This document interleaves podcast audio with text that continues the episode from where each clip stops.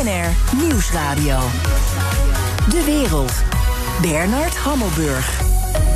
Welkom bij het beste binnenlandse programma over het buitenland. Straks, China komt met een nieuwe economische strategie. Een soort America First met Chinese karakters. Dat bespreek ik met sinoloog Boudewijn Poldermans. Maar nu eerst. I, I hope that we'll get a deal. I hope that we'll get a deal. It's it's up to our friends. Uh, you know, the, the, there we are. There's, uh, they've done a deal with, with Canada. Why shouldn't they do it with us? Uh, we've been members for 45 years. Like, it seems, it seems all there. It's just up to them. Een week nadat de Britten wegliepen uit de gesprekken zitten ze weer aan tafel. Want de EU is aan hun eisen tegemoet gekomen. Maar wat is er nou precies veranderd? Ik praat erover met Peter de Waard, oud-correspondent in Groot-Brittannië en schrijver van het boek Order Order: Brexit of het verhaal van een politieke soap.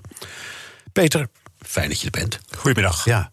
Uh, de Brexit-onderhandelingen gaan verder. Wat is nou veranderd ten opzichte van vorige week? Nou, eigenlijk helemaal niet zoveel. Er zijn nog steeds de drie knelpunten. Die zijn, hetzelfde, die zijn hetzelfde gebleven.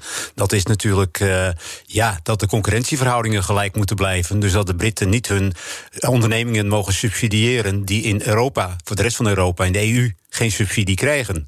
Dat is een van de voorwaarden. De EU wil natuurlijk ook dat er natuurlijk het uh, toegang tot de Britse wateren voor de vissers. En het andere probleem blijft natuurlijk, en dat is eigenlijk de grootste knelpunt, dat blijft Noord-Ierland. Daar zijn alle drie uh, problemen zijn nog precies hetzelfde. En iedere keer verloopt er een deadline en dan begint men weer opnieuw. Ja, EU-onderhandelaar Barnier erkende in een toespraak voor het Europese parlement de Britse soevereiniteit. En uh, sommige Britten maakten toen een vreugdedansje. Ik dacht, nou ja, zegt dat nou zoveel? Was dat vreugdedansje nou terecht? Ja, natuurlijk wel een beetje. Natuurlijk. Zij, uh, de Britten vinden hun soevereiniteit natuurlijk ontzettend belangrijk. Dat is altijd de inzet geweest van deze, natuurlijk, deze Brexit-onderhandelingen. Dus ja, als het natuurlijk Europa zegt: jullie mogen je soevereiniteit houden. Ja, dan vinden ze het uh, heel belangrijk. Op dit moment zijn ze eigenlijk een beetje een verzalstaat van de EU. Hè. Ze zitten natuurlijk niet meer in de EU. Ze mogen niet meer meebeslissen. Maar aan de andere kant moeten ze nog wel aan de regels van de EU voldoen. Van de Europese Unie. Dus ja, ja ze zijn eigenlijk, uh, ja, ze worden eigenlijk een kolonie van Europa. Ja, dat is ook uh, wat Johnson al een aantal keren heeft gezegd. Hè. Die, die, die bewoordingen heeft hij ook ja. gebruikt. Aan de andere kant, uh, dit is de eindfase, dus je weet, je hoopt dat het tot iets leidt. En het idee dat uh, Groot-Brittannië of het Verenigd Koninkrijk soeverein zou zijn, daar is toch nooit aan getwijfeld door de Europese Unie.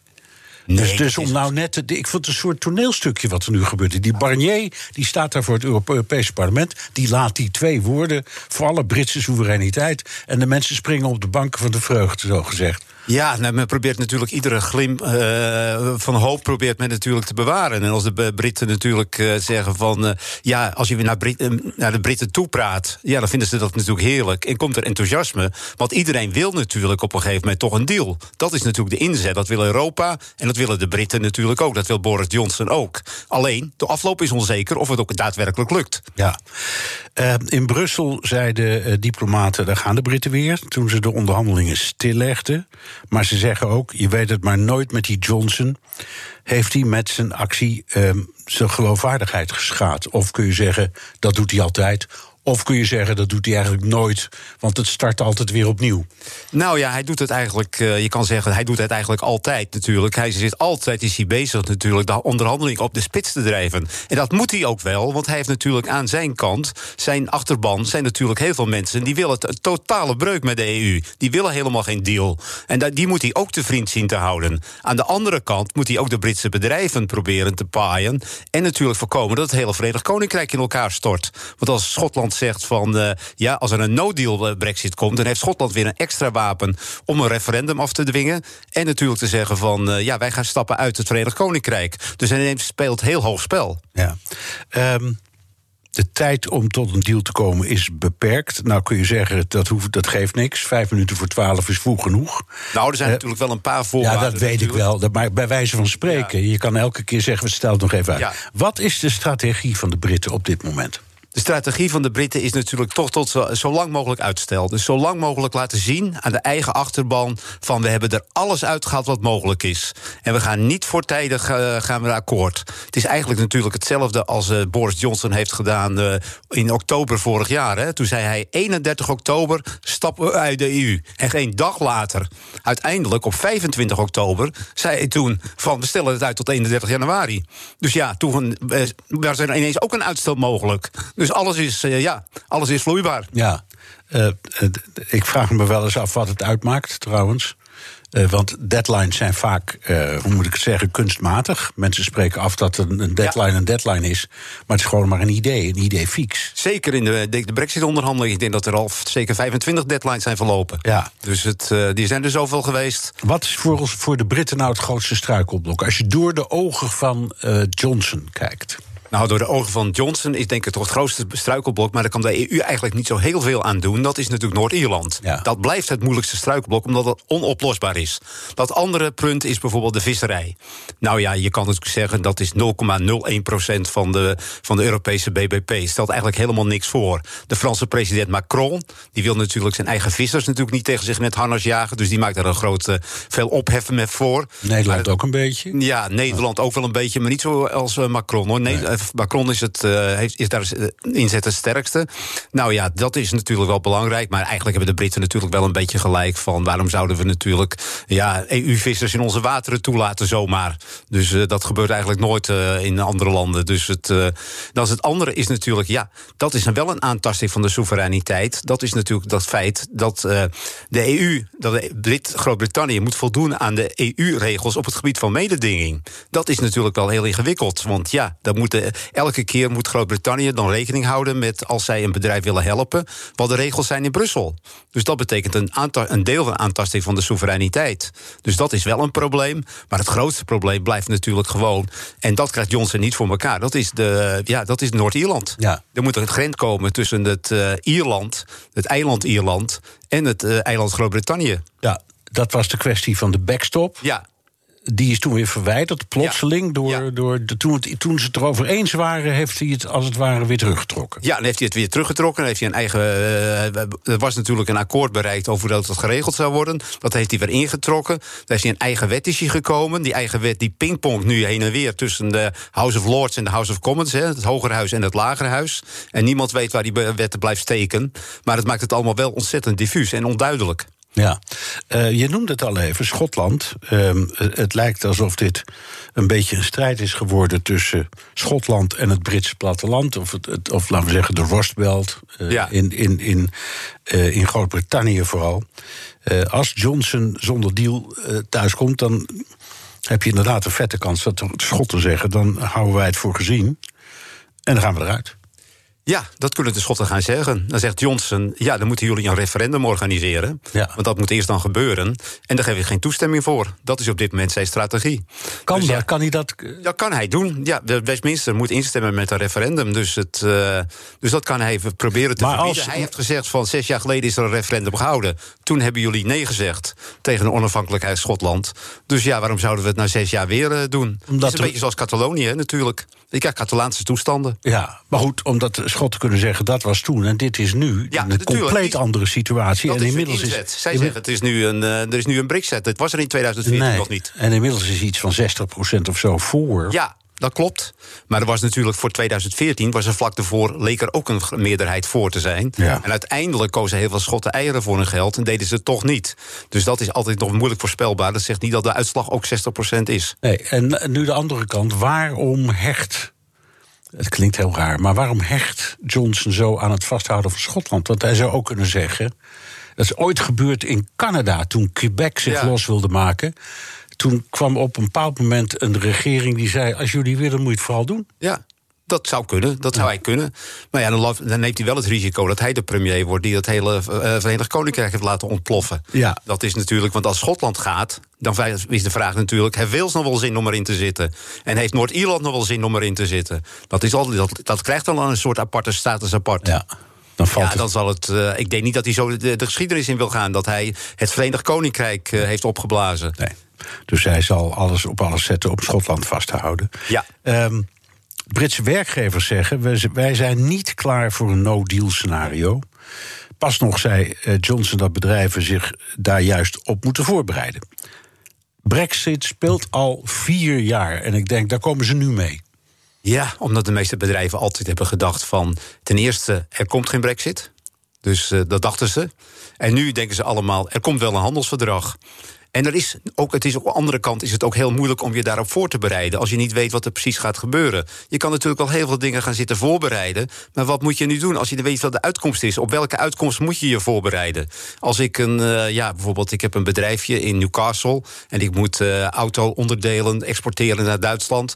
Moet ik mijn bedrijf dan helemaal gaan verplaatsen naar Duitsland? Direct komt er helemaal niks. Dan kan ik gewoon vanuit Newcastle naar Duitsland uh, gewoon toch weer mijn auto-onderdelen exporteren. Dus ja, ik weet niet hoe je verder voor de rest kan voorbereiden. Je kan wat in de magazijn leggen voor de periode vlak erna. Of eh, wat extra inkopen, maar dat is alles. Ja, dus bedrijven zitten nu echt voor een soort dilemma. Moeten we doorgaan, hoe we doorgaan, waar we doorgaan in het Verenigd Koninkrijk? Of moeten we misschien ertussenuit?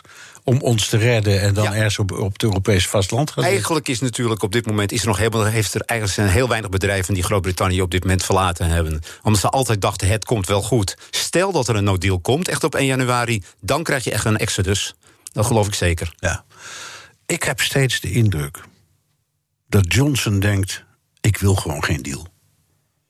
Nou, dat zou best eens kunnen dat hij dat denkt. Emotioneel denk ik zeker dat hij dat denkt. En hij denkt natuurlijk ook van, ja, wat is de economische schade daar nou van? Hè? Er, wordt, er zijn heel veel bureaus die hebben daar berekeningen van gemaakt. En dan denken ze ongeveer dat het BPP met 2,5 tot 5 procent zou kunnen dalen... als gevolg van, de, van een uh, no-deal brexit. Aan de andere kant denkt Johnson, ja, corona heeft de economie al 20 procent doen dalen. Maakt de laatste 5 procent dan nog zoveel uit? Dan heb ik tenminste alles weer hetzelfde. En dan kan ik natuurlijk weer uh, precies, doen. Uh, precies doen wat ik wil. Ja. Dus, het, uh, dus daar kan ik me wel iets bij voorstellen. Rationeel denk ik dat hij anders moet gaan denken. Want ik denk toch dat 2,5 tot 5 procent ook wel heel veel is. En het grote nadeel is dat hij natuurlijk, hij heeft gezegd van... dan ga ik de handelsdeal sluiten met alle landen in de wereld. Maar daar komt niks van terecht tot nu toe. Hij heeft niks gelukt met Amerika, schiet hij helemaal niet op. Hoewel hij toch een, eigenlijk een beetje gelijk Jawel, maar dat komt hebben. omdat Amerika en ook uh, andere landen zeggen... Uh, we willen wel, maar dan moet je wel eerst even je, je, je kwestie met Europa hebben afgewikkeld. Ja, dat klopt. Dat is ook zo. Maar ja, dat is dan niet afgewikkeld natuurlijk. Want nee. uh, ja, dan is het onzeker. Uh, maar Johnson kan het natuurlijk wel wat makkelijker maken. Als hij geen deal heeft natuurlijk met Europa.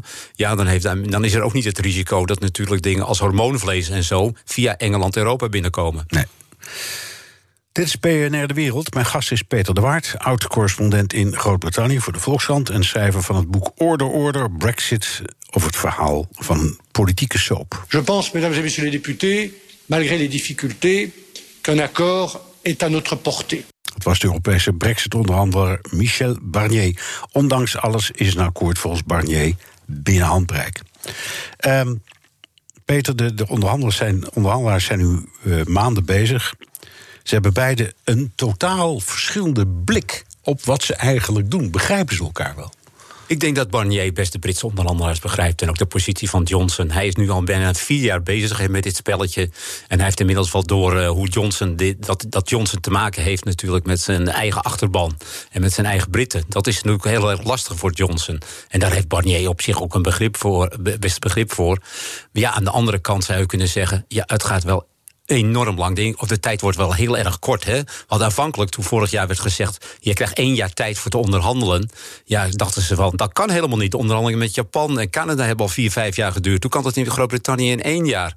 Nu zitten we eigenlijk bij eind oktober, nog te, anderhalf, tweeënhalf maand te gaan. En er is nog niks gebeurd eigenlijk. Er, is eigenlijk nog, er ligt wel een, een, een soort akkoord klaar, tenminste een juridische tekst. Maar er zijn nog, op de heikele punten zijn nog steeds geen, is er nog steeds geen overeenstemming. Nee. Nu moet het in drie weken, waar een normaal handelsakkoord drie jaar over doet. Ja. Dat is natuurlijk bijna onmogelijk.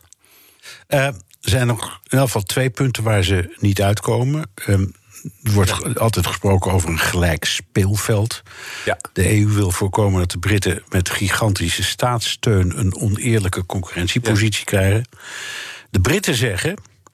We zijn de EU uh, nu uit, dat gaat jullie helemaal geen moer meer aan wat wij doen. Daar hebben ze toch een punt. Zichzelf. Uiteraard, daar, heb, daar hebben de Britten ook een punt. Maar dan moet je geen handelsakkoord sluiten. De EU kan natuurlijk niet uh, laten, uh, laten voorkomen dat bijvoorbeeld uh, ja, de Britten ineens hun auto-industrie gaan, enorm gaan subsidiëren. En dat die Britse autootjes tegen die veel lagere prijzen, oneerlijke prijzen, Europa binnenkomen. Dat kan natuurlijk niet. Dat kan zelfs volgens de WTO-regels niet. Dus het, dat, dat kan ik me goed voorstellen dat dat voor, de, voor Europa niet onacceptabel is. Tenminste, niet voor een handelsakkoord. Het mag best. Ze mogen best hun eigen auto's gaan subsidiëren. Maar er moet er wel importheffing betaald worden aan de grens. Dan is er geen handelsakkoord. Nee, nee. Dus oké, als je goedkoop wil produceren, dan krijg je invoerrechten als gevolg. Ja, dat is zoals het bij China gebeurt. Hè. Die heeft veel strafheffingen op allerlei producten waarvan de EU denkt dat die worden gedumpt. Dus ja. Het, uh, ja, dat, uh, dat is uh, vaak het geval. Ja, maar goed, je kunt zeggen in de hele grote industrie, Amerikaanse auto-industrie, de vliegtuigindustrie, die worden allemaal gesubsidieerd. Ja, goed, maar er zijn ook strafheffingen voor gekomen. Met name voor de vliegtuigindustrie, natuurlijk ook van de WTO. Zowel voor Airbus als voor Boeing. Ja. Dus daar is het, uh, dat wordt niet toegestaan eigenlijk. Dus het, uh, ze doen het allebei. Dat klopt, met de vliegtuigindustrie is het zeker het geval. En daar ook vaak natuurlijk hele verholen subsidies, hè, als ja, innovatiesubsidies en dat soort dingen. Zijn dat nou echt subsidies? Ja, dat kan je ook zeggen. Van, uh, dat is vaak natuurlijk een discussie. Ja. we hadden het al even over de visserij. Ehm, in Brussel hoor je dat er een akkoord komt. Um, en dat dat de Europese vissers pijn zal doen. Ja. Het klinkt alsof er een soort uitruil mogelijk is. Staatssteun, ja. regels in ruil voor vis. Zou dat het compromis zijn? Dat zou een compromis kunnen zijn. Dat gewoon uh, de vissers in de EU ja, toch maar moeten slikken dat zij niet meer in Britse wateren mogen vissen. Dat voor, voor de Groot-Brittannië, voor de Britten trouwens wel een probleempje. Want uh, bijna alle vis die in de Britse wateren wordt gevangen, die gaat naar Europa. Dus hoe ze dat dan weer moeten doen, dat is natuurlijk een vraag in de praktijk. Aan de andere kant, uh, ja, betreft. Uh, in, dan, als, als dat het geval is, dan zou ja, Groot-Brittannië, kan Boris Johnson zeggen van ik hou me aan de EU-mededingingsregels. Dat zou een uitruil kunnen zijn. Ja. Maar dat blijft het probleem van Noord-Ierland. Zeker. Maar goed, je zei al, dit is maar een heel minuscule branche in, in, in het ja, totaal. Ja, ja, overal natuurlijk. Zeker qua werkgelegenheid natuurlijk. Ja. Het is meestal principieel, hè, natuurlijk. Dus, en, en, en een sterke lobby altijd de vissers. En het is altijd spectaculair als zij ja, weer havens blokkeren... en dat soort dingen gaan doen. En het, uh, ja. dat weten we. Dus, ja. Als er nou een deal ligt, dan moet die nog langs alle staatsparlementen. Ja. Uh, en je ziet zo al een paar uh, problemen komen. Je ziet Cyprus... Um, wou ik even noemen. Want uh, 3% van uh, de, het grond, de grond daar is, wordt gebruikt of is gehuurd of is eigendom van, denk ik, Groot-Brittannië. Ja. Want daar zitten militairen. Dat is gewoon een stukje Groot-Brittannië midden op Cyprus. Ja. Uh, er wonen duizenden Britten. Ja. Die vallen, die vallen dan tussen wal en schip. Wat, ja, als, als, als, uh, wat nou als Cyprus zegt: we accepteren geen slechte deal, want wij zitten met deze kwestie? Ja, dat zou kunnen. Maar, en het geldt ook natuurlijk voor Spanje met Gibraltar. Zeker. Ja, en dus het, uh, maar in de praktijk is het natuurlijk geweest. Dus inmiddels zijn deze akkoorden zijn al vijf of zes keer zijn ze door de parlementen gegaan. En het is altijd door 27 parlementen uh, simpel goedgekeurd. Ja. Dus waarom zou het in de, dit geval in de, bij de, de, de nou ja, de twaalfde akkoord wel anders verlopen? Ja. ja jij noemde Noord-Ierland als het echte grote, ingewikkelde struikelblok. Maar je kunt zeggen, ja, Cyprus dat is maar heel klein. Maar Gibraltar, dat is ook echt een probleem. Ja, maar Spanje is er nog nooit tegen geweest. Spanje heeft tegen geen enkele van de deals die ook al met May waren gesloten, en Theresa May ja. en David Cameron, heeft Spanje nooit gezegd dat accepteren we niet vanwege Gibraltar. Daar is altijd een, uh, Spanje is altijd akkoord gegaan. Ja. ja. Dus alleen de Britten hebben steeds die akkoorden weer in de vullersbak gehad. Nou ja, maar in het verleden hebben de, de, de Spanjaarden veel gepest. Ja, dat klopt. De grens dat, vaak dat zullen ze ook blijven doen. Gesloten. In de tijd van Franco kon je niet van Spanje naar uh, Gibraltar. Nee. Moest je over zee. Ja.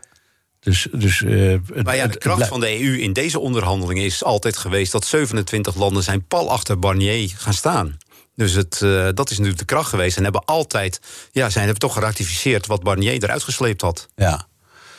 Ja, goed, maar je krijgt nog dat Gibraltar heeft een wonderlijke positie. Dat, dat is een rijk ja. land, een rijk stukje wereld. Ja. Daar zit een enorme. Ik geloof dat dat voor een groot deel leeft van de verzekeringsindustrie. Of ja, herverzekeringsindustrie. En scheepsreparatie en dat soort dingen. Dat is gigantisch. En die, die, die, die komen voornamelijk uit de EU. Dat klopt. Het is natuurlijk, uh, maar ja, het is één rots hè, natuurlijk van Europa. En laat je natuurlijk de hele ja, maar financieel lopen is het... op een rots. He? Laat je het hele akkoord stuk lopen het... op één rots. Ja, dat zou kunnen. Want het is, het is, ja. financieel is het een, een behoorlijke nou, krachtig. ik, tot nu toe is er daar geen sprake van geweest. Is er in Spanje geen meerderheid. Als het had een hele andere regering moeten zijn die dit zou verstoren. Die uh, hier tegen zou stemmen vanwege Gibraltar of in Cyprus vanwege het feit dat er zoveel Britten daar een stukje land hebben. Ja. En een militaire basis. Um, Laten we het eens samenvatten. Waar staan we nou precies? Als je zegt, ik, je, je zegt het duurt en het duurt en het duurt. En we zijn nu eigenlijk, het is vijf voor twaalf, we zijn er nog steeds niet uit. Nee. Waar staan we? Nou, op dit moment is, het, is er een deadline is verschoven. Aanvankelijk was hij 1 oktober, toen was hij 15 oktober. Nu gaat de deadline ongeveer naar half november dan zou er nog tijd zijn om uh, ja, al die, uh, als er een verdragstekst dan uitkomt, hè, om dat allemaal te vertalen in 24 Europese talen en, uh, en dat allemaal aan de parlementen voor te leggen en te laten ratificeren. En dan is er eigenlijk niet zo ontzettend veel tijd meer voor het Britse parlement om dan allemaal amendementen daar weer door, in door te voeren. Of zeggen, wat, daar zijn we het niet mee eens. Dus dan zou, er, zou ja, Johnson toch zijn eigen parlement voor het blok kunnen zetten. Want het grootste gevaar is niet de Europese parlementen van Cyprus en van uh, Spanje. Maar het grootste gevaar is het Britse parlement. Dat blijft altijd degene die natuurlijk dit soort uh, akkoorden weer in de volle vullersbak heeft gegooid. De, de, dus jij denkt die 27 Europese parlementen, dat gaat, dat gaat Dat redelijk lukken, snel. dat gaat daar, komen geen grote moeilijkheden. Nee, nou in het Britse parlement heeft Johnson natuurlijk op zich een grote meerderheid. Ja, nee, maar even, eerst even die 27. Ik wil Ja. zeggen, gewoon onze eigen Ja. Tweede Kamer in Den Haag. Ja. Dat wordt een hamerstuk. Dat wij, tot nu toe zijn het altijd hamerstukken geweest. Bijna Ja. in alle 27 parlementen. Ja. Dus daar zit het probleem. Het probleem zit in zijn eigen parlement. Het probleem zit in zijn eigen parlement. Hij heeft een ruime meerderheid natuurlijk eh, gekregen vorig jaar bij de verkiezingen. Dus eh, er is wat. Eh, ja, dus ik denk dat hij natuurlijk het wel voor elkaar krijgt. Maar hij zal natuurlijk wel op heel veel gemopper kunnen stuiten van, eh, ja, van toch weer mensen die eh, echte Brexiteers, hè, de Nigel Farage's, ja, en de Schotse oppositie, dat soort mensen. Dat zou natuurlijk een.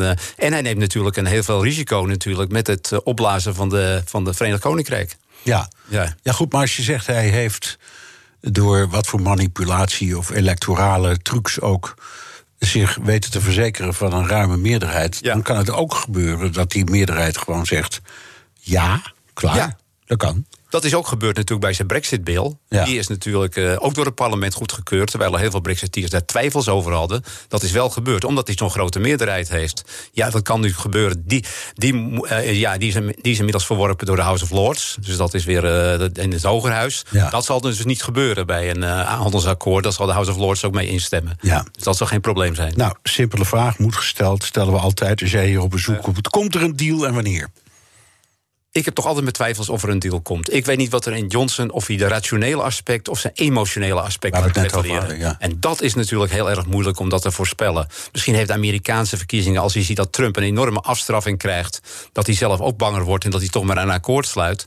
Het heeft heel veel te doen met het, eh, dat soort psychologische dingen. En Johnson is geen voorspelbaar iemand. Hè. Het is net als Trump. Je, hij staat iedere dag op en dan denkt hij: wat zal ik vandaag weer eens gaan doen? ja, en dat is het. eh, en dat is niet zozeer dat hij een strategie heeft of zo voor deze, voor deze Brexit. Het is, Hij past het gewoon iedere dag weer aan. En aan het einde kan zo zeggen: van, nou ja, dan, ik ga toch akkoord. Want eh, de laatste die bij me gezien was, was iemand toevallig van, het, van de Britse werkgevers. En die vond dat er een akkoord moest komen. Dus dan doe ik het maar zo.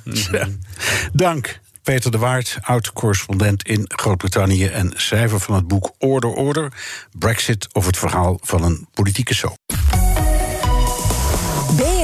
Nieuwsradio. De wereld. Bernard Hammelburg. Een historisch akkoord is een moddergevecht geworden. Van de zomer bereikten de Europese regeringsleiders een akkoord over een begroting en een coronafonds van samen meer dan 1800 miljard euro. Maar het Europees Parlement moet ook nog akkoord gaan en de volksvertegenwoordigers liggen dwars. Europa-verslaggever Jesse Pinster, het akkoord van de zomer betekent gigantisch veel geld voor de EU. Dat zou het Europees Parlement toch moeten toejuichen. Ja, dat zou je denken. Hè? Nou, die vijf nachten van de zomer, dat er dan een akkoord ligt over zoveel geld. Maar ja, dat is dus nog geen akkoord zonder goedkeuring. En het zal je misschien niet verbazen, het parlement wil meer geld. Ehm, Ze vinden eigenlijk dat op bepaalde onderwerpen, innovatie en onderzoek, maar ook Green Deal, digitalisering, zelfs migratie, dat daar ja, minder geld naartoe is gegaan. En ja, dat minder is dan relatief, want het is minder dan eerdere plannen die er ooit op tafel lagen. Maar het is nog steeds wel flink wat meer dan in de huidige begroting. Nou, wat willen ze precies? Ze willen 39 miljard euro. Dan zou je denken dat is een flink bedrag, maar dan zegt het parlement ja, maar eigenlijk is het maar 9 miljard extra. En dan kom je in een soort doolhof van boekhoud, boekhoudtrucjes terecht. Hoe ze dat allemaal gedaan hebben, ga ik je niet allemaal uitleggen. Maar nou ja, zij zeggen het is 9 miljard euro. En dan zeggen de Europese landen die van de zomer onthandeld hebben, die geïrriteerd zijn. Helemaal niet. Uit onze berekening blijkt dat het 90 miljard is wat jullie extra vragen. Van waarom zijn jullie in het parlement niet tevreden met het gigantische pakket wat we nu hebben? Op het parlement dan weer antwoord van ja, joh, nee, maar ik bedoel 39, waar hebben we het over? Dat is 2% van die 180, uh, eh, van die, die 1800 miljard. Nou ja, en zo gaat het op en neer en op en neer. En zo gaat het eigenlijk al, uh, al weken. Ja, nou heb je elke zeven jaar zo'n uh, gevecht bij iedere meerjarenbegroting. Het is natuurlijk al een begroting voor een krankzinnig lange tijd, hè, zeven jaar. Ja. En die komt dan uh, terug aan het einde van de rit. Kiest het parlement altijd eieren voor zijn geld. Zal dat nu niet ook gewoon gebeuren? Ja, dat is dan altijd een beetje de verwachting. Hè? Het Europees Parlement, wat toch niet helemaal misschien serieus genomen wordt door de lidstaten, ze tekenen uiteindelijk uh, wel. Maar dat het echt oploopt, die, die, die ruzie, en dat het moeizaam gaat, is wel duidelijk. Ze hebben het vorige week op de top met de regeringsleiders moeten bespreken met de voorzitter van het Europees Parlement, die ze nog een beetje onder druk gingen zetten. Maar ja, uiteindelijk denk ik wel dat het inderdaad eieren voor hun geld kiezen worden. Je ziet het bijvoorbeeld al een beetje verschuiven bij de Sociaaldemocraten. Die worden onder onder druk gezet vanuit hun hoofdsteden, vanuit Madrid, vanuit Lissabon, Rome in mindere mate. Weet je, dus die beginnen al op te schuiven. Want ja, die denken ook, ja, dat geld in dat coronafonds, dat hebben we wel nodig in, uh, in onze landen. Het lastige aan het geheel is dat er nog een tweede front is in deze oorlog die gevochten wordt. Dat is namelijk de rechtsstaat. Weet je wel, die koppeling van geld aan hoe gezond een rechtsstaat is. Dat voorstel wat steeds afgezwakt werd. En uh, waarvan het Europese parlement nu zegt: nee, dat moet juist weer opgekricht, het moet strenger worden. Dus weet je, dat maakt het extra lastig uh, deze keer om daar uit te komen. Ze strooiden nog met een onderzoek, het Europese parlement ook deze week. Van, ze hadden een peiling gedaan onder de Europese bevolking. 77% van de Europeanen die wil graag dat er zo'n link komt tussen geld en uh, de rechtsstaat. Dus nou ja, hadden ze weer iets om op de onder onderhandelingstafel ja, en, neer te leggen. En, en op dat onderwerp, de rechtsstaat, houdt het parlement wel voet bij stuk. Nou, dat moeten we natuurlijk ook nog maar eventjes afwachten of dat, uh, of dat echt gaat gebeuren. Want wat gebeurt er als ze een hele strenge regels aan gaan nemen? Dan gaan Polen en Hongarije weer dwars liggen. We hebben het eh, van de zomer al gezien. Toen dreigde Viktor Orbán ook al zijn veto te gaan gebruiken als het allemaal te streng zou worden. Ja, als het parlement die kant op gaat, ja, dan kom je in die situatie. Want uiteindelijk mogen ook de lidstaten nog een soort definitieve finale goedkeuring eraan geven.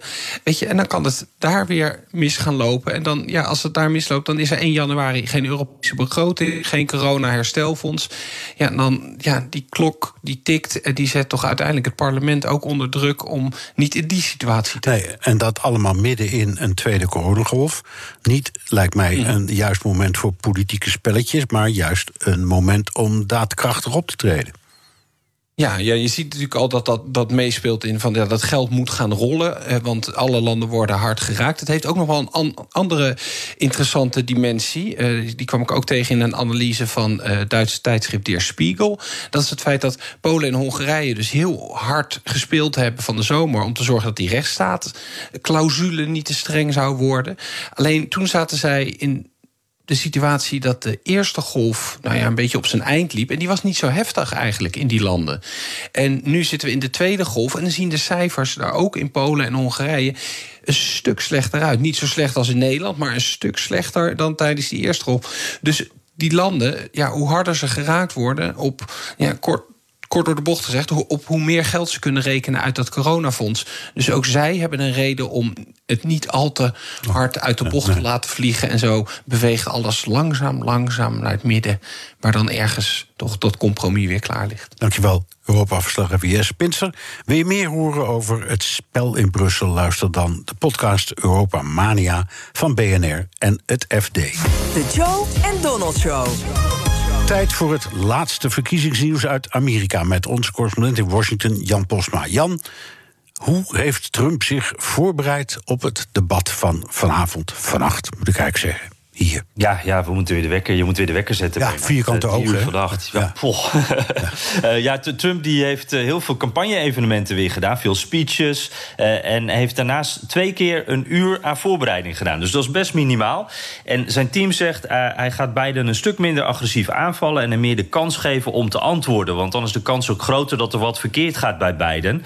En, en je ziet ook dat Trump zich echt in de underdog-positie aan het plaatsen is. daar houdt hij wel van natuurlijk. Dat doet hij Hij zegt die mute-knop die is ingesteld. Hè, dat, die, uh, dat een van de microfoons eh, stilgehouden wordt op het moment dat de ander spreekt. Dat is tegen mij. Uh, de onderwerpen ben ik niet, niet blij mee. En de debatleider, Kristen Welker, dat is een democraat. Kristen Welker is terrible. I mean, she is totally partisan. Her father and mother are big supporters of Joe Biden for a long time. They're supporters of the Democrat Party. And she deleted her entire account. Ja, dus uh, haar ouders zijn democraten. Die hebben geld gegeven aan de Democratische Partij. En uh, er is een foto van haar met de Obama's op een kerstfeest in het Witte Huis. Een kerstfeest voor de pers. En dat uh, wordt ook aangehaald van... nou, dat laat zien dat zij dus de democraat is. Maar goed, daar zijn al die journalisten geweest... die hebben allemaal een foto met Obama. En Biden? Ja, die uh, zagen we veel minder. En uh, is gisteren zelfs even helemaal van de radar verdwenen. Want uh, hij heeft zich net als voor dat eerste debat behoorlijk intensief voorbereid. Zeker vergeleken met, met Trump. En hij liet het aanvalswerk eigenlijk door Obama doen. Voor het eerst was hij op campagne voor Biden. En die was fel en viel Trump aan op zijn tweets, zijn gedrag, eigenlijk op alles. We wouldn't tolerate it in our own family, except for maybe crazy uncle somewhere, you know. Yeah, he's, he's I mean, we, why would we expect and ex accept this from the President of the United States? Ja, dan vergelijkt hij toch even Trump met de crazy uncle. En het, het was wel, uh, die speech van Obama, daar, daar zat ook wel wat, ja, wat in... waardoor hij volgens mij probeerde Trump een beetje het bloed onder de nagels vandaan te halen... een beetje uit te dagen richting dat debat. En ja, terwijl die democraten zich een beetje onderdompelden... eigenlijk in een soort Obama-nostalgie... kon Biden zich dus in alle rust voorbereiden. En ja, hij, hij, moet zich vooral voor, hij moet vooral zorgen dat hij niet op de kast gejaagd wordt door Trump. Bijvoorbeeld met aanvallen op zijn zoon Hunter Biden. Ja. Uh, dat is een van de twee schandalen die niet officieel onderwerp van het debat zijn. Want die, uh, dat zijn allemaal hele keurige onderwerpen. Uh, ja. Zoals familiewaarde en ras en gaan zo maar door. Maar ze zullen natuurlijk zeker langskomen. Ja, zeker. Ja, uh, Trump die, die, die gaat natuurlijk uh, Biden aanvallen op Hunter Biden. En, en die e-mails hè, en die tabloid de New York Post... dat verhaal dat verspreidt zich nog steeds, met name via conservatieve media... Uh, OAN, Fox, Breitbart. Maar het blijft nog steeds onmogelijk om te bepalen als buitenstaander... of die laptop en die e-mails nou echt zijn... en of dat dan allemaal bewezen kan worden. En ook dat Joe Biden ook iets verkeerd heeft gedaan. Want dat, dat hebben we ook nog nergens gezien. Maar hoe dan ook, Joe Biden moet wel een antwoord hebben op die aanval van Trump hierover. Want ja, dit, wordt gewoon een onderwerp. En uh, uh, ja, je zou het ook graag over die serieuze onderwerpen hebben. Over de toekomst van het land. Hoe ga je dat allemaal doen? Maar we blijven dus bij dit soort dingen hangen. Ja. Het debat begint om drie uur vannacht, Nederlands tijd. Er is ook een watchparty voor de nieuwe Borat-film. Ja, ja, dat uh, hadden we ook niet verwacht dat we dat nog eens in één uh, zin zouden noemen. Het leidt ook weer af van die belangrijke onderwerpen. Rudy Giuliani, de persoonlijke advocaat van Trump. ook de man die die vermeende e-mails van Hunter Biden naar de New York Post heeft gebracht. Die Giuliani, die is te zien in de nieuwe film, film van Sacha Baron Cohen, Borat dus. En volgens mensen die de film al gezien hebben... zou hij zich daar met, ja, met, met een vrouw in een hotelkamer zou, hebben, zou die zijn geweest. Daar zou hij zijn hand in zijn broek hebben gedaan. Dat staat allemaal op film. Nou, hij zegt zelf, dit is allemaal onzin. Eh, ik stopte mijn overhemd even in. Maar dit is iets waar het ook al 24 uur over gaat in de media hier. En als dat debat dus begint, dan is er ook tegelijkertijd een watchparty hiervoor. En dat fragment, daar wordt natuurlijk rijkhalsend door heel veel mensen naar uitgekeken... hoe dat nou precies uh, zit. En ik moet wel zeggen, ja, het, het is niet mijn uh, humor, zullen we maar zeggen... maar het is wel pijnlijk dat de Oekraïne-detective van Trump... Die, dat, dat hij zelf zo makkelijk te bedonderen lijkt te zijn... nu door een acteur. Dus dan vraag je wel een beetje beetje af, ook eh, in het licht van het andere nieuws, wat een Poetin zou kunnen doen. Maar Ja. goed, eh, wat ik zei, je zou het toch liever over de inhoud hebben Nou, bij dat debat. dat zou kunnen. Het is niet jouw humor, maar het is in elk geestiger dan Trump en Biden, zullen we maar zeggen. Dankjewel. Dat denk ik ook, ja. Dankjewel, Jan Posma, correspondent in Washington. Wil je meer horen over dat fascinerende land? Luister dan naar de Amerika-podcast van Jan en mij. BNR Nieuwsradio. De wereld. China gooit zijn economische strategie volledig om. China has recorded growth of 4.9% in its third quarter, and that's a long way from the lows it reached at the beginning of the year. China is tijdens deze coronacrisis de enige grote economie ter wereld die groeit. Maar Peking voert zich steeds meer geïsoleerd en maakt zich zorgen over de aanhoudende handelsoorlog. Wat betekenen China's nieuwe plannen voor de wereldeconomie? Ik praat erover met Boudewijn Poldermans, sinoloog en bestuurslid van de China Business Council. Je bent al 40 jaar actief in China. Welkom terug in het programma. Dank u wel. Ja. Eerst even de groeicijfers van eh, China. Economie groeide met bijna 5% in het laatste kwartaal. Ik heb altijd geleerd, eh, China liegt. Liegen ze nou weer of kloppen die cijfers wel? Nou, die cijfers die, eh, die kloppen redelijk goed. Ook als je kijkt naar de voorspellingen van bekende economen, die hebben zelfs geschat en voorspeld dat de groei 5,2% zou zijn. Ehm, maar tegenwoordig is het zo dat, eh, en dat geven ook recente studies aan, dat die cijfers eh, over het algemeen wel kloppen. En niet meer zoals vroeger dat daarmee gemanipuleerd werd. Daarbij is het zo dat. eh, het National Bureau of Statistics ook in de provincies en in sommige steden onderzoek doet of die cijfers inderdaad wel kloppen. Dus ja, je mag ervan uitgaan dat die cijfers, wellicht in tegenstelling tot de cijfers die over de epidemie zijn eh, verspreid, eh, dat de bruto binnenlands productcijfers wel kloppen. Dat- ja. Eh, de rest van de wereldeconomie is nog compleet in de ban van corona. Niemand heeft groei, alleen maar enorme verliezen. Wat is nou het Chinese geheim? Kun je zeggen, ze kunnen dat omdat ze bijvoorbeeld in de eerste golf de bevolking letterlijk hebben opgesloten in hun eigen huizen. Ik geloof dat in sommige gevallen zelfs de deur van buiten dichtging. Ja, ja. Nee, dus, dus toen werden inderdaad, eh, toen het bekend werd, eh, een beetje aan de late kant, draconische maatregelen genomen. Dus een totale en zeer strikte lockdown, zoals je zelf net al zei. Totdat alle inwoners getest en eh, de geïnfecteerden geïsoleerd waren. En daarbij hebben ze ook nog, eh, zoals ook hier bekend geworden is, in no time speciale coronaziekenhuizen gebouwd. Alle trein- en vliegverkeer stilgelegd en je kon China niet meer binnenkomen of je moest meteen in quarantaine. En die lockdown die kon in, eh, in april alweer opgeheven worden.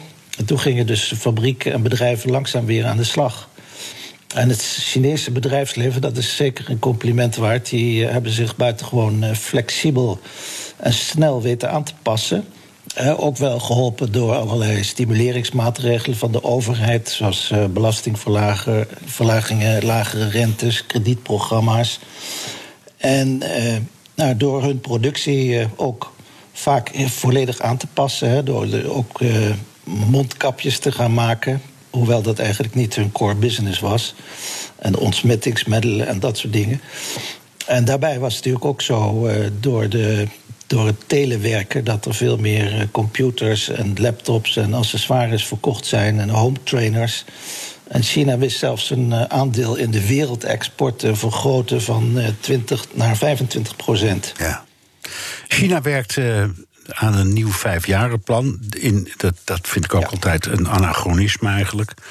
Dat eh, die Chinese landen nog met vijfjarenplannen werken. Maar goed, economische strategie voor de komende jaren dus. De regering gooit het roer om. Economische groei moet uit China zelf komen. En niet meer voornamelijk door export. Waarom komen ze daar nu mee? Nou, om e- even om bij het begin te beginnen, dat is wel aardig. Kijk, wat de Chinezen zeggen, dat China maakt vijfjarige plannen voor de volgende generatie. En de plannen van de westerse generatie die gaan niet verder dan de eerstvolgende verkiezing. Eh, En de China benadrukt ook van wij zijn meer van de implementatie dan van de plannen. Maar om terug te komen op de vraag, ja, eh, nou in feite is het zo dat eh, al in eh, 2006 het roer omgegooid is.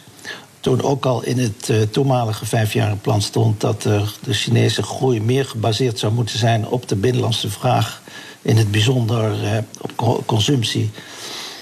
dus de, de, de, economische groei zou niet meer zoals daarvoor gegenereerd moeten worden door export en investeringen, maar meer door binnenlandse consumptie en investeringen. En nu heeft die strategie wel een nieuwe naam gekregen, de bekende dubbele circulatiestrategie. Ja. En dat houdt in dat uh, het leiderschap de voordelen van de, van de enorme interne markt en het potentieel van de binnenlandse vraag volledig uh, wil ont, uh, ontwikkelen. En tevens een nieuw soort ontwikkelingsmodel wil gaan invoeren. Waarbij dus de, de interne en externe circulatie, zoals ze dat noemen, complementair uh, zijn aan elkaar. Ja. Uh, dus dat wil niet zeggen dat ze dus uh, de export, hoewel die overigens maar op dit moment 17% van de totale BBP uitmaken, dat ze die willen stilleggen, maar ze willen de export niet meer zo, zo groot deel laten uitmaken van, van de economie. Nee meer dus concentreren op de binnenlandse op de binnenlandse, je, je, zou ook kunnen zeggen, je ziet voor het eerst misschien in 4000 jaar geschiedenis in China een, een, een middenklasse ontstaan ja. met geld. Dat is nooit eerder gebeurd hè, in de Chinese geschiedenis. Nee.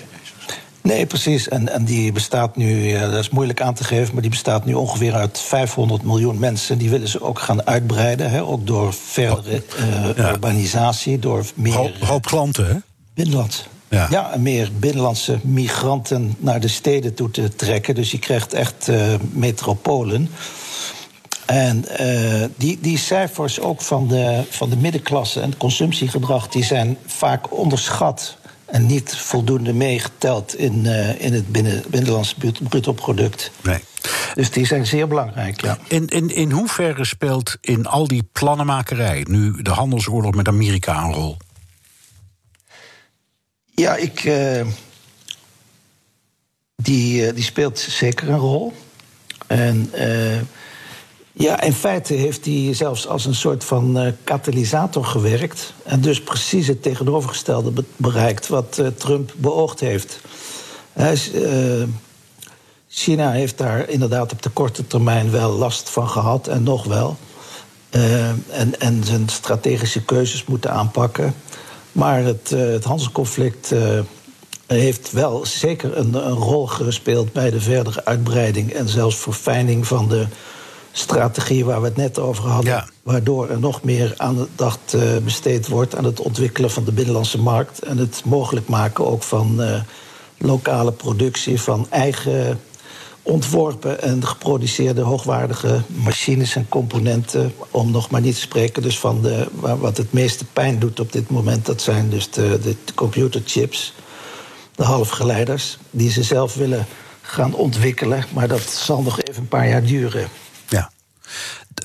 Denken de Chinezen ook na over wie gaat winnen? En maakt het ze wat uit, Biden of Trump, in deze kwestie? Ja, dat maakt ze zeker wat uit. ja? ja? Nou, in ieder geval is het zo dat uh, zowel de Democraten als de, als de, de Republikeinen natuurlijk zeer uh, hard China willen gaan aanpakken. Maar de verwachting is wel dat Biden natuurlijk eerst een aantal binnenlandse problemen zal gaan oplossen, maar zeker weer oude coalities zal gaan opzoeken met, met de EU en ook in Azië zelf. Hè, dat dat Trans-Pacific uh, Trade Agreement, dat dat weer uh, hersteld wordt. Om ook gezamenlijk tegen China te kunnen optreden. Dus dat, dat, uh, dat is wel de verwachting. Maar dat hij zeker ook het contact met China zal gaan opzoeken om gezamenlijk research en development te gaan doen. omdat natuurlijk ook voor het Amerikaanse bedrijfsleven China buitengewoon belangrijk is. Die twee landen zijn zo verstrengeld met elkaar. Dat ze zo snel mogelijk uh, ja, weg moeten in de vergeldingsstrategie waar ze nu in opgesloten ja, lijken te zijn. Maar dat is natuurlijk ook voor een groot deel uh, retoriek. En als ik, je Ja. goed, als ik je goed begrijp, dan denken de Chinezen. Biden zou het anders spelen en er zou misschien wat toon en aanpak uh, wat beleefder zijn, om het zo maar te zeggen. Ja, zeker. Maar hij zou zeker proberen om de, om de anti-Chinese politiek voor te zetten, maar dan gesteund door andere bondgenoten. Dus eigenlijk, misschien is dat nog wel erger. Uh, voor, voor China ja. misschien wel, ja. Uh, omdat dat, dan zal China zeker gedwongen worden om concessies te doen op een aantal gebieden. Ja. Ja. Dus dat, zo kun je het ook bekijken, zeker. Ja. ja. Uh, en dan de werkelijkheid, moet je altijd even kijken. Er waren van de week uh, berichten over Foxconn. Dat uh, per dag, geloof ik, 2000 mensen probeert te recruteren voor de productie van de nieuwe iPhone 12. Als je dat leest, dan denk je, we kijken ook, we luisteren ook wel heel veel naar een frame. In werkelijkheid is het toch net allemaal heel anders.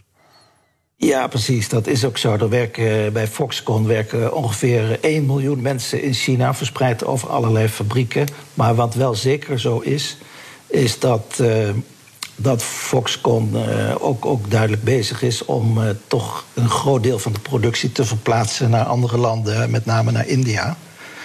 En, maar wat nog veel opvallender is, is dat ja, ondanks de aversie tegen China en Chinese bedrijven in de Verenigde Staten, tegen bedrijven als Huawei en ZTE en ByteDance, dat in uh, de Verenigde Staten nog steeds heel veel Chinese start-ups en scale-ups uh, een beursnotering zoeken. En sinds januari zijn dat er ongeveer uh, al bijna 10 miljard dollar is er opgehaald. He, dus, uh, en, en, Goldman Sachs, las ik, die voorspelt zelfs een record aantal beursnoteringen van Chinese bedrijven dit jaar. Ja. Dus we doen ook erg aan casuïstiek. Als je over Chinese bedrijven praat, ja, dan wordt het inderdaad Huawei. Maar andere bedrijven, daar hoor je niet veel over. En die, die, die, gaan eigenlijk door zoals ze vroeger ook doorgingen. En wat voor die ja. bedrijven is de relatie met de Verenigde Staten helemaal niet zo veel anders dan die was. Nee, precies. Ja. Nee. Nog één dingetje. De Duitse minister van Economie zei deze week dat de Duitse bedrijven zich moeten gaan richten op andere markten dan China. Bijvoorbeeld Zuid-Korea. Je ziet dus Duitsland een beetje wegdraaien. Maken ze zich ja. daar in Beijing zorgen over? Ja, daar maken ze zich zeker zorgen over. Uh, omdat natuurlijk uh, onder uh, Angela Merkel heeft China. die, die heeft China lang de hand boven het hoofd gehouden. En niet en, ook zelfs een soort, uh, ja, toch onderhandse deals weten te maken, waardoor China, uh, Chinese acties zeg maar bij woorden zijn gebleven. Hè. Ze heeft bijvoorbeeld uh, de Dalai Lama een paar jaar geleden ontvangen en bekende Chinese kunstenaar Ai Weiwei die heeft asiel gekregen in Duitsland. En, en Duitsland is natuurlijk ook voor China een waanzinnig belangrijke handelspartner. Ja. Ik geloof dat er vorig jaar voor 100 miljard geëxporteerd is. En, en de, grote Duitse bedrijven zitten natuurlijk heel breed in China. Dus dat uh, beseffen de Chinezen ook wel dat ze die niet te voet dwars moeten gaan zetten. Maar er is vorig jaar een uh, rapport uitgekomen van de Duitse equivalent van de, de VNO-NCW, de BDI. Waarin toch wel behoorlijke kritiek wordt geleverd op China. Dat is eigenlijk voor het eerst sinds jaren. Uh, waardoor ook Duitsland inderdaad nu uh, toch aanzienlijk veel kritischer is geworden ten aanzien van China. Dank, Boudewijn Poldermans, sinoloog en bestuurslid van de China Business Council. En tot zover BNR De Wereld. Terugluisteren kan via de site, de app Spotify of Apple Podcasts. Reageren kan via mailtje naar dewereld.bnr.nl. Tot volgende week.